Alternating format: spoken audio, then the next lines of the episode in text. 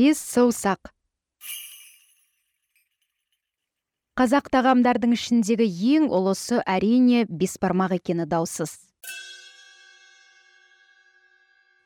Физиктер кейде сыртқы бақылаушы бір атомның көмегімен осы атом пайда болған. Әлемнің құрылымын түсіне ала ма деп дауласқанды ұнатады жауабы шамамен бір атомның көмегімен бәрін болмаса да көп дүниені аңғаруға болады. Дәл осындай талас бесбармақтың аулын да айналып өткен жоқ. Бір тамшы судан әлемнің бейнесін көре алатыныңыз сияқты. Көшпелі халықтың ұлттық тағамынан да халықтың тұрмыс салтын көруге болады. Сондықтан да оның төңірегінде болып жатқан даудамай толастамайды. Кейде тіпті жанжалға да ұласып жатады атауы да маза бермейді. Беш бармақ бес бармақ. Түркі тілінен аударғанда бес саусақ деген мағынаны білдіреді. Қолмен қасықсыз жейтін ас. 2003 жылы астанада мемлекеттік тілді дамыту басқармасы бесбармачная деп аталатын мейрамхананы тіркеуден бас тартты.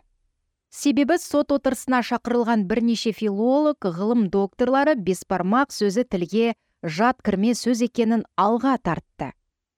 Қазақтар бұл тағамды ет асу немесе ет деп атайды. Тілдегі шетел тілдерінен енген кірме сөздерге кейін қайтып ораламыз. Бірақ осы мақалада бес бармақ сөзін қолданатыным үшін бұл атауды жақтырмайтындарынан алдын ала кешірім сұраймын. Өйткені біз ежелгі аспаздық өнерін жалпы түркілерге ортақ оның үстіне жалпы азиялық жағдайға көбірек тоқталамыз. Көшпелілер арасында бесбармақ бір кездері байлар мен кейбір айтулы рулардың ғана қолы жететін ас болған деседі. Тіпті сол кездің өзінде мейрам күндері мен сыйлы қонақтарды күтіп алу кезінде ғана дайындайтыны болмаса қымбат әрі қолжетімсіз болған деген пікірлер орыс тілді деректерде көп кездеседі. Бұл отарлық мәндегі бұрмаланған дерек болса керек.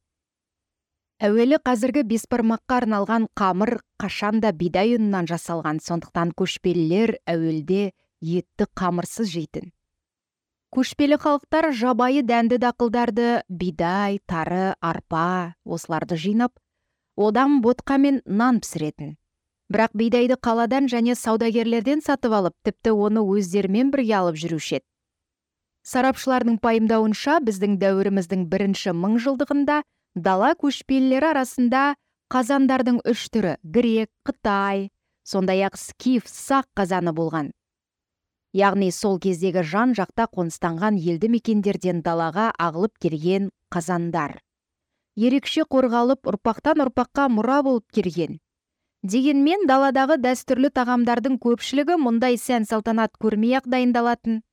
Ысталған кептірілген тұздалған қуырылған көмірмен тасқа қақталған қой терісімен сазға пісірілген топырақ пештерде бұқтырылған күнге қақталған және сабада ашылған тамақ түрлері болатын. Бірақ ұзақ уақыт бойы суға қайнатып пісіру өңдеудің ең қиын және сирек кездесетін әдісі еді. Бесбармақтың негізгі бес құрамы. Ет. Бұл тамақты дайындау барысында түркі халықтарының көпшілігі қой етін пайдаланса дәстүр бойынша қазақтар бесбармақта жылқы етін тәуір көреді. Қазір мейрамханалар көбіне негізгі ет ретінде қой етін сондай ақ жылқы етінен жасалған қазы мен шұжық салады. Қамыр немесе жайма. Жұқа етіп домалақтап жайылған бөліктерге бөлінген сорпада қайнатып пісірілетін бидай қамыры. Қазіргі кезде әдетте жұмыртқа қосып илейді жайманы жұқа әрі біркелкі етіп жаю қабілеті әлі күнге дейін аспаздың шеберлігінің бір қыры. Сорпа. Қазанда қайнаған еттің сорпасы оны піскен еттің үстіне тұздық ретінде аз мөлшерде құяды. Көбіне сорпаны ет піскенге дейін ішеді. Дәмі өте тамаша. Тұздық. Пияздан жасалған қоспа сорпаға бұқтырып кейін табақтың бетіне салады. Бүгінгі күні жуа орнына дөңгелетіп туралған пиязды және сарымсақты жиі пайдаланады. Дәстүр бойынша қазақтар тұздық үшін жыл маусымына сәйкес пияз бен сарымсақтың дәмі бар дала шөптерінің бірі жабайы жуаны пайдаланған. Өсімдіктерді жинау қыздар мен бойжеткендердің дағдылы міндетіне айналған еді. Құрт тұз қосып кептірілген ірімшік кей өңірлерде сорпа мен тоздыққа үгітіп салып жақсылап араластырады. Әйтпесе қатық қосады. Кейде құрт қонақтарға бөлек ыдыста беріледі. Құрт бұл беспармақтың өте маңызды элементі. Өйткені тамақ ұсынғанда көп мөлшерде ет жеу керек. Көптеген жазба құжаттарға сүйенсек тіпті 19 ғасырда тамақты әзірлегенде бір қонаққа 5 килограмм таза ет келетіндей етіп мал сойылған. Мұндай тамақ жеп үйренген көшпелілердің де асқазаны ақуыз майдан бөлінетін қышқылға төтеп бере алмайтындықтан қонақтарды қыжылдан зардап шекпеу үшін жоғары сілтілі құрт қажет. Түріктер құртты негізінен сиыр сүтінен жасайды ал батыста түйе сүтінен жасалған құртты жақсы көреді.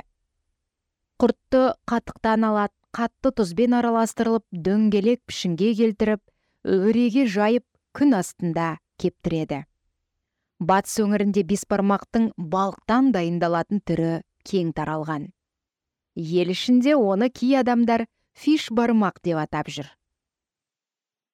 Естеріңізде болса беспармақ бұл ең алдымен мерекелік салт дәстүрге негізделген тағам.